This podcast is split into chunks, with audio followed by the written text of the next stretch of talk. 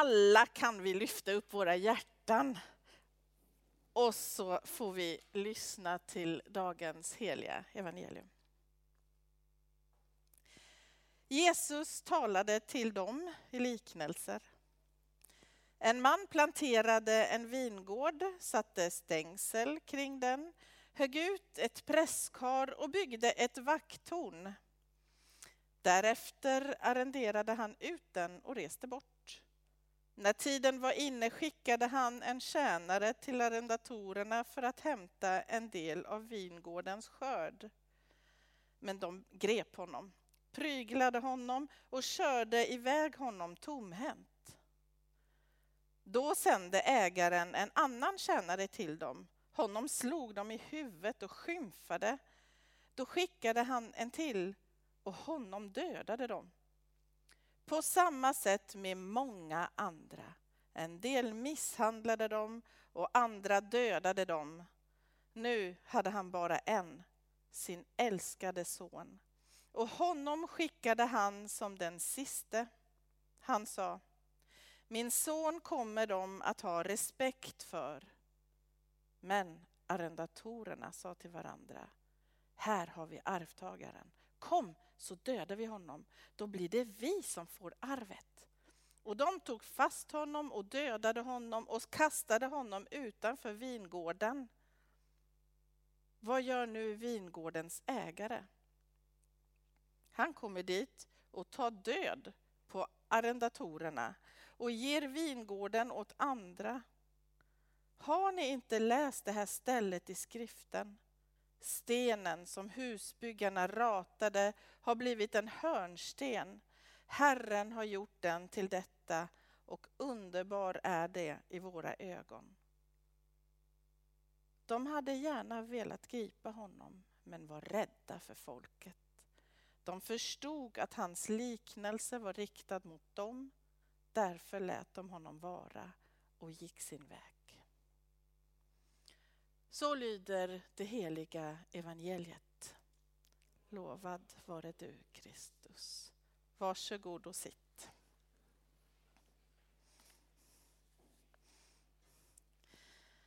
När Daniel ringde för ett tag sedan och undrade Karen kan du tänka dig att predika? Då blev jag jätteglad och tänkte yes, åh oh, vad roligt, för det är ofta roligt. Och så tänkte jag lite, ja, femte söndagen i fastan, försonaren, det låter bra, yes, då vill jag gärna predika, det måste väl gå bra försonen. Då får jag stå här och berätta om Jesus som försonat oss. Vi kan prata om kärlek, om vad trevligt och fint och bra allting är.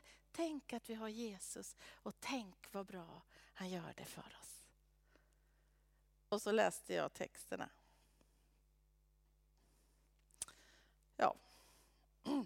Jag vet inte vad du tänker nu när du hörde evangelietexten. Och jag kan säga att jag läste både episteltexten och gammaltestamentliga texten och inte blev det något bättre där heller. Nej, ni kan ju gå hem och läsa. Kyrkoåret kan man söka på så kan man se. Ja förresten, kyrkoår. Vem är det som har tänkt ut att vi ska läsa det här fantastiska just idag? Jag kan ju säga att jag rätt gärna hade predikat över någon annan text. Hade varit smidigare i alla fall för mig. Um, titta, vi har bild på väggen mitt på. Bra jobbat! Kyrkoår, kan vi få en bild på det kanske? Hur många av oss har funderat över kyrkor och känner när jag säger kyrkor, det här har jag koll på, jag vet precis, oh vad bra. Då känns det som att det inte gör något om jag säger något här. Jag tänker vi kan få tiden att gå innan vi behöver prata om allt det där dödandet och sådär. Um, vi börjar kyrkåret i advent. För, för dig som lyssnar och inte ser har vi en, så kan vi säga, bildgoogla kyrkoår så får du nog upp någonting som liknar det här. Vi har som en tårta med olika stora orättvisa tårtbitar. Vi har en tårtbit där det står advent och nu är det för dålig bild som jag har valt ut här så, så det är nog bara jag som kan läsa det. Men där till vänster är det lite lila. Om vi går in i en svensk kyrklig kyrka nu så kanske det hänger lila tyg och prästen har något lila på sig. Lila är färgen som talar om för oss att nu är det dags att ladda som vi gör i advent. Då laddar vi för julen som kommer. Vi förbereder oss när det är lila. Och sen så blir det jul och vitt och fest. Vita klänningar vill vi ha när det är fest. Och sen så blir det grönt, betyder i färg i kyrkoåret. Det, det är en sån fördjupningstid. Vi, ja, kanske inte vila, men vi får möjlighet att liksom landa lite. Vi får god undervisning. Och sen efter lite grönt så blir det lila igen. För att nu är det dags att ladda igen. Den här ladda på-tiden kallar vi för fastan. Jag vet inte vad du tänker, vad du förknippar med fasta. Är det semlorna? Är det att låta bli något? Vi kanske kan återkomma till det. Men i alla fall är det en tid vi laddar, vi förbereder oss. Det gör vi i 40 dagar. Därför börjar vi på en onsdag, askonsdagen. Ni vet den där dagen som kommer efter den där stora semmeldagen. Söndagar som idag är det vita dagar, då firar vi så då behöver vi inte fasta. Därför för den som är snabb i matte, som jag inte är, tänker fastetid 40 dagar. Ja, det blir rätt i slutet om man räknar rätt. Och så kommer det en svart dag. Man ser en liten svart prick mot mitten och längst ut ser vi korset. Och efter det slutar fastan, för då kommer den största av alla festerna. Påsken. Jesus Kristus övervinner döden och står upp till evigt liv igen. Och efter den tiden så kommer det en stor tårtbit, halva tårtan faktiskt, som är grön. Ett festlöst halvår där vi får möjlighet att fördjupa oss i olika ämnen. Det är någon som har tänkt ut det här och för varje söndag i det här kyrkoåret då är det någon som har tänkt ut tre stycken texter, eller egentligen fyra en gammaltestamentlig, någon från de där breven som av någon anledning ska heta epistel i kyrkan och så ett evangelium där vi hör Jesus och så en psalm som vi tack och lov kan ta vår tillflykt till sådana här dagar när det bara är krångliga texter. Ja. Så i alla fall, det här är bakgrunden till varför vi får läsa den här fantastiska texten om vingården. Om vi tittar på nästa, nästa bild um, så tänker jag att vi närmar oss. Vi är på väg upp mot Jerusalem. Det sjöng vi idag. Det har vi sjungit några gånger. Under fastetid så går vi med Jesus upp mot Jerusalem. Och du som har tänkt och hört på vad du har sjungit så har vi sjungit om olika saker, men om rätt mycket lidande och död. Korset går vi mot. Det är allvarliga tider, fastetiden. Vad var det Jesus grejade med? Här har vi på väggen en, en liten karta. Jag letade efter pedagogiskt bra kartor där det syns det som vi behöver se idag, inte mer, men det var inte så lätt.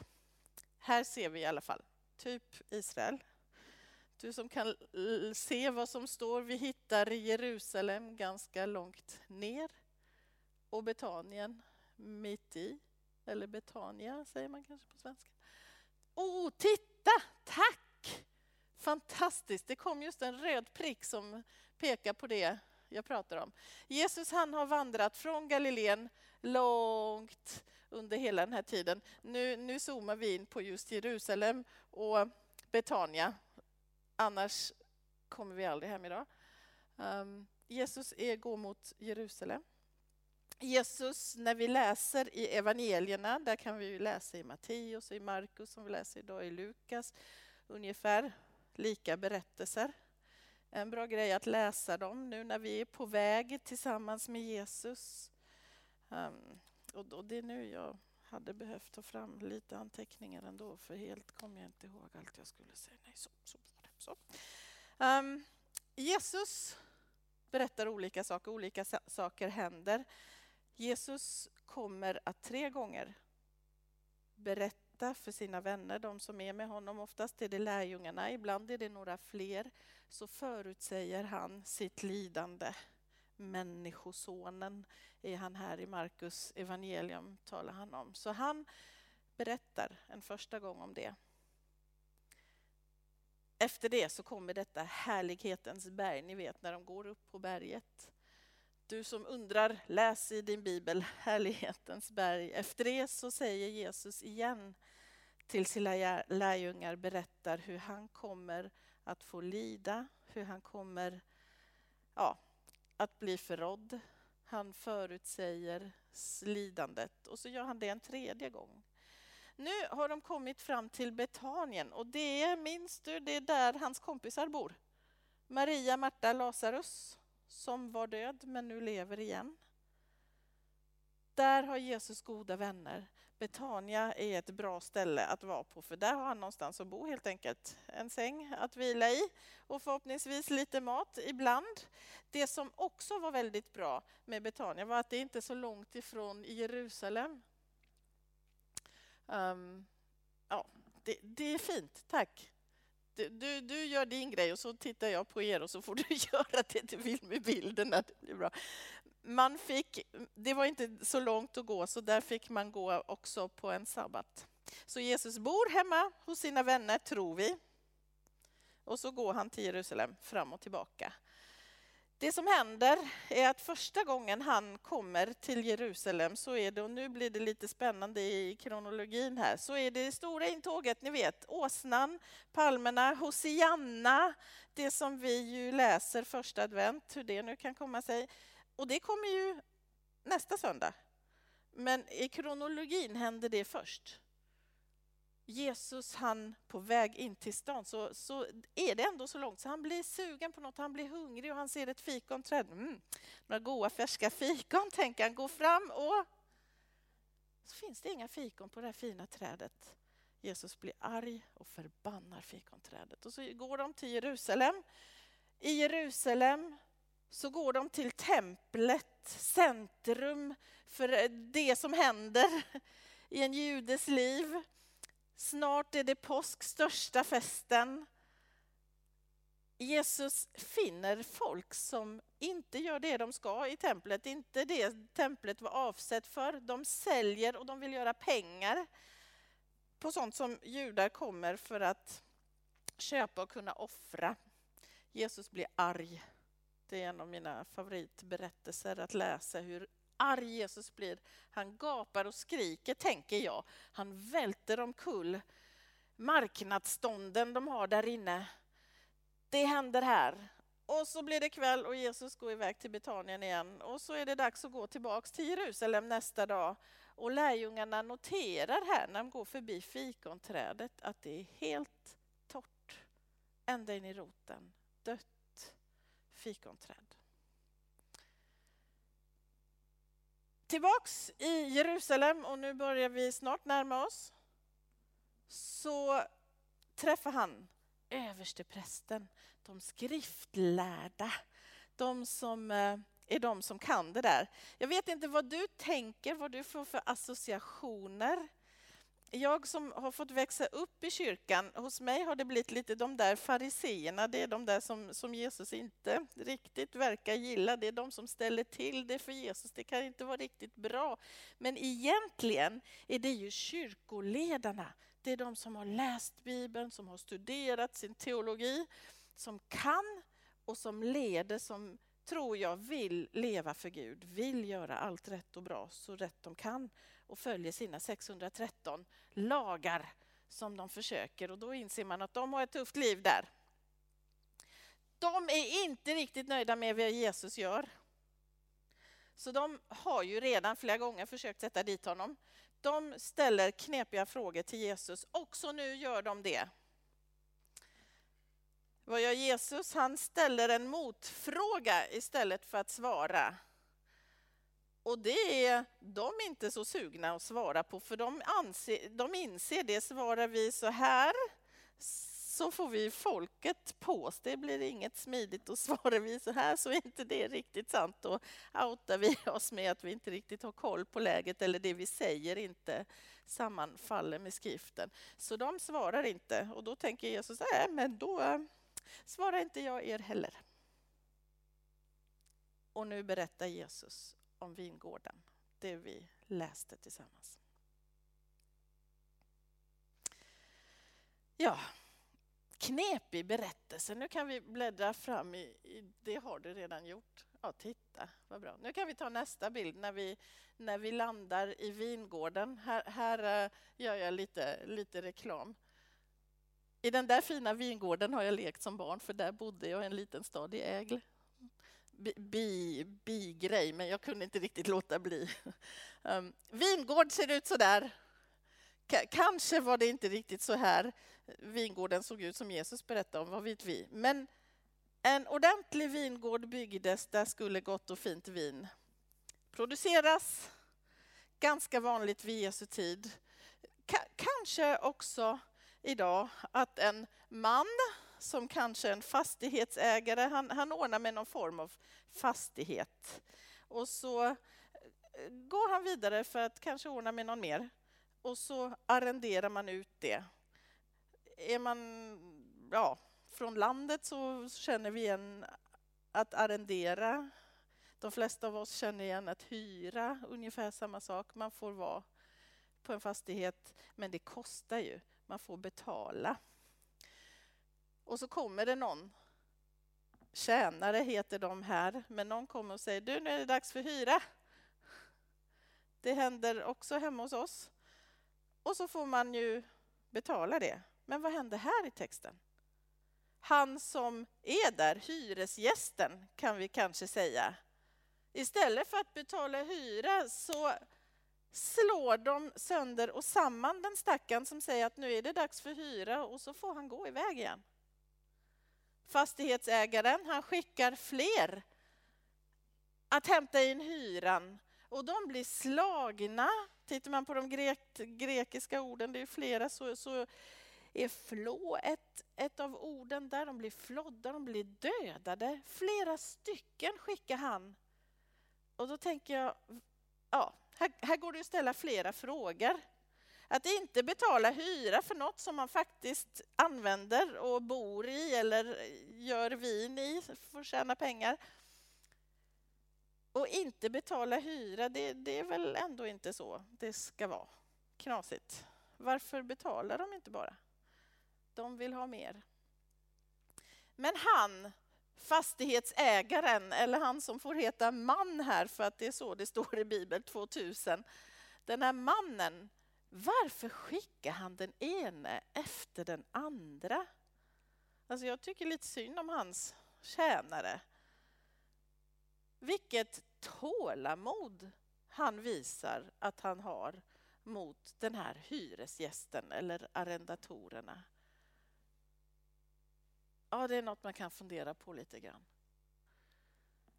På slutet säger fastighetsägaren nu får det vara slut. Nu är också mitt stora tålamod slut.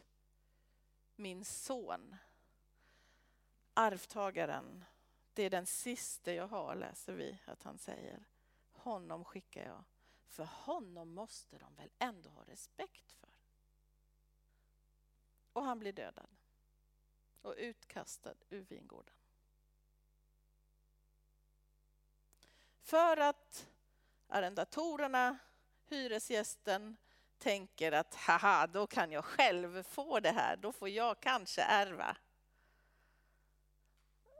Intressant tanke kan man göra en hel predikan om också. Men det låter vi bli just idag.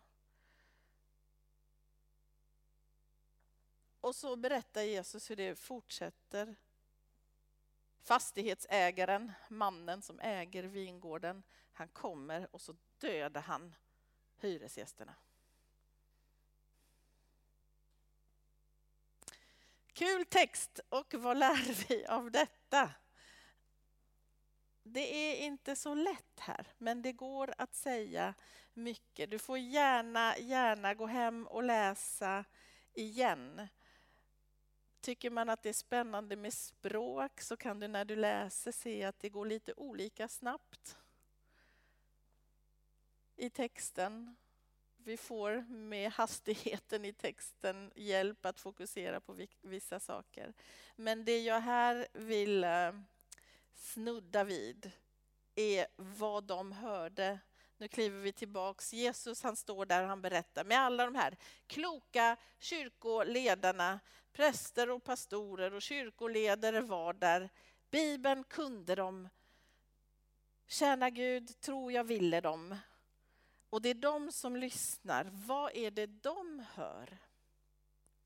Jag tror att de hör när Jesus börjar berätta om vingården så hör de Jesaja 5.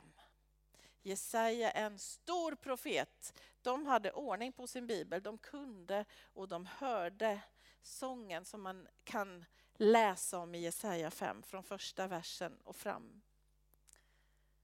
Så Jesus, honom som de vill liksom visa på, inte pysslar med det som hör Gud och den rätta kyrkan till. Nu använder jag fel ord här, men mest för att vi ska ha ett sammanhang och hänga med.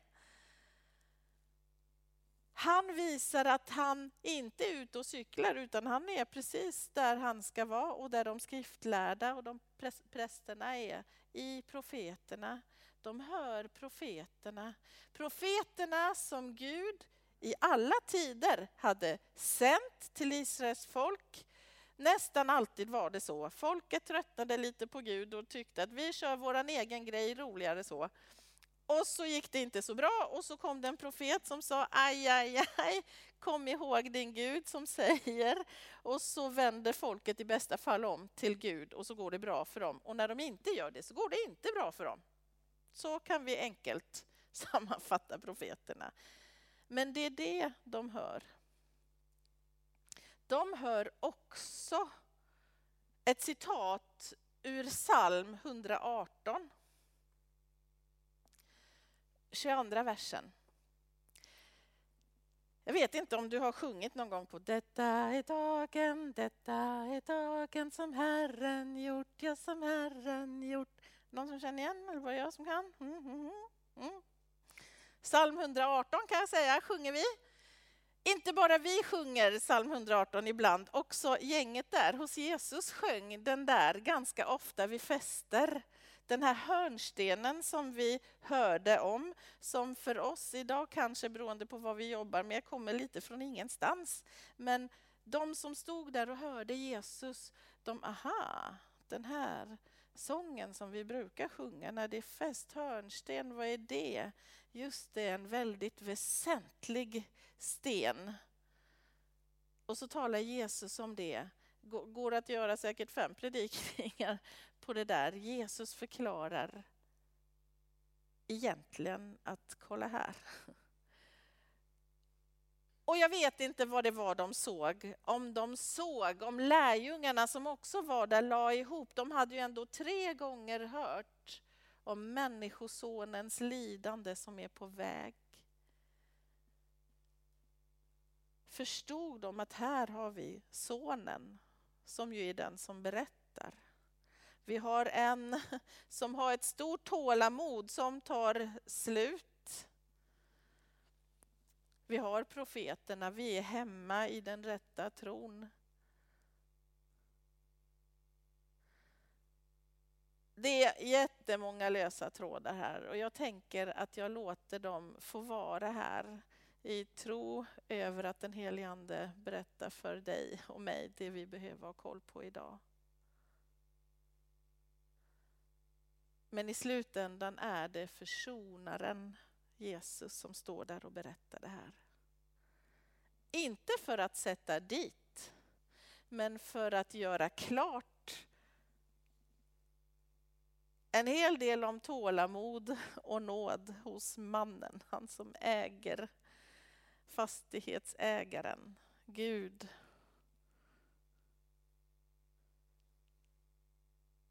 vars tålamod också tar slut. Men sonen som blir sänd han som är vår försonare. Och när det blir sådana här svåra saker så blir jag tacksam över fastetiden vi får vara inne i. Själv vill jag välkomna fastetiden i mitt liv, för jag behöver en tid där jag kanske kan låta bli att göra något som tar tid. Kanske är det att äta mindre att, eller att laga enklare mat och ta den tiden att läsa och prata med Herren. Vi kan ladda och förbereda oss på fest på olika sätt. Alla planerar vi och handlar och stryker duken eller manglar den och skickar in, ut inbjudningar. Den tiden i festförberedelse bjuder Jesus in oss alla i. Idag är det femte söndagen i fastan. Idag inleder vi passionstiden. Nu börjar det brännas. Nu börjar vi närma oss festen. Jag behöver förbereda mig för att på något sätt det här året kanske kunna ta in lite, lite mer av det oerhörda vi får fira under påsken. Allvar som vi möter idag i texterna. Men också en son som är utsänd, som ger möjlighet till försoning. Som bjuder in dig och mig. Låt oss ta tag i de här sista två veckorna, passionstiden.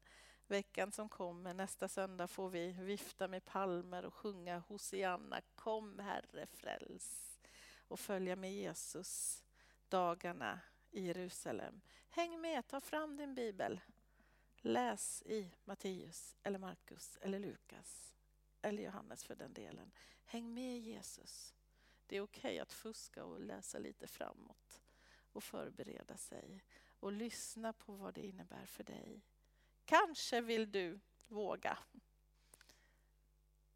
att försaka någonting, vad det nu är i ditt liv. Inte vet jag vad du behöver göra för att ge Jesus lite större utrymme och ladda för festen.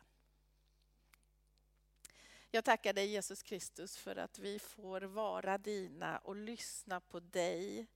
Du som är försonaren, tack för att du kommer. För att du har kommit för att försona oss med dig. Och när vi idag läser texter som har ett djup, som är krångliga, som är svåra på många sätt, så tackar jag dig heligande för att du har ett budskap till var och en av oss idag. Tack för att du är full av nåd. Tack för din kärlek som är större än det vi någonsin kan fatta. Tack för att vi får fortsätta i denna fastetid att hålla oss nära dig. Hjälp oss att få följa med dig till Jerusalem. Följa med dig till de olika saker du har gjort och sagt. Och hjälp mig, hjälp oss att den här fastetiden, den här passionstiden gå in i någonting som hjälper oss att lite, lite mer det här året kunna ta in din oerhörda nåd och kärlek. Amen.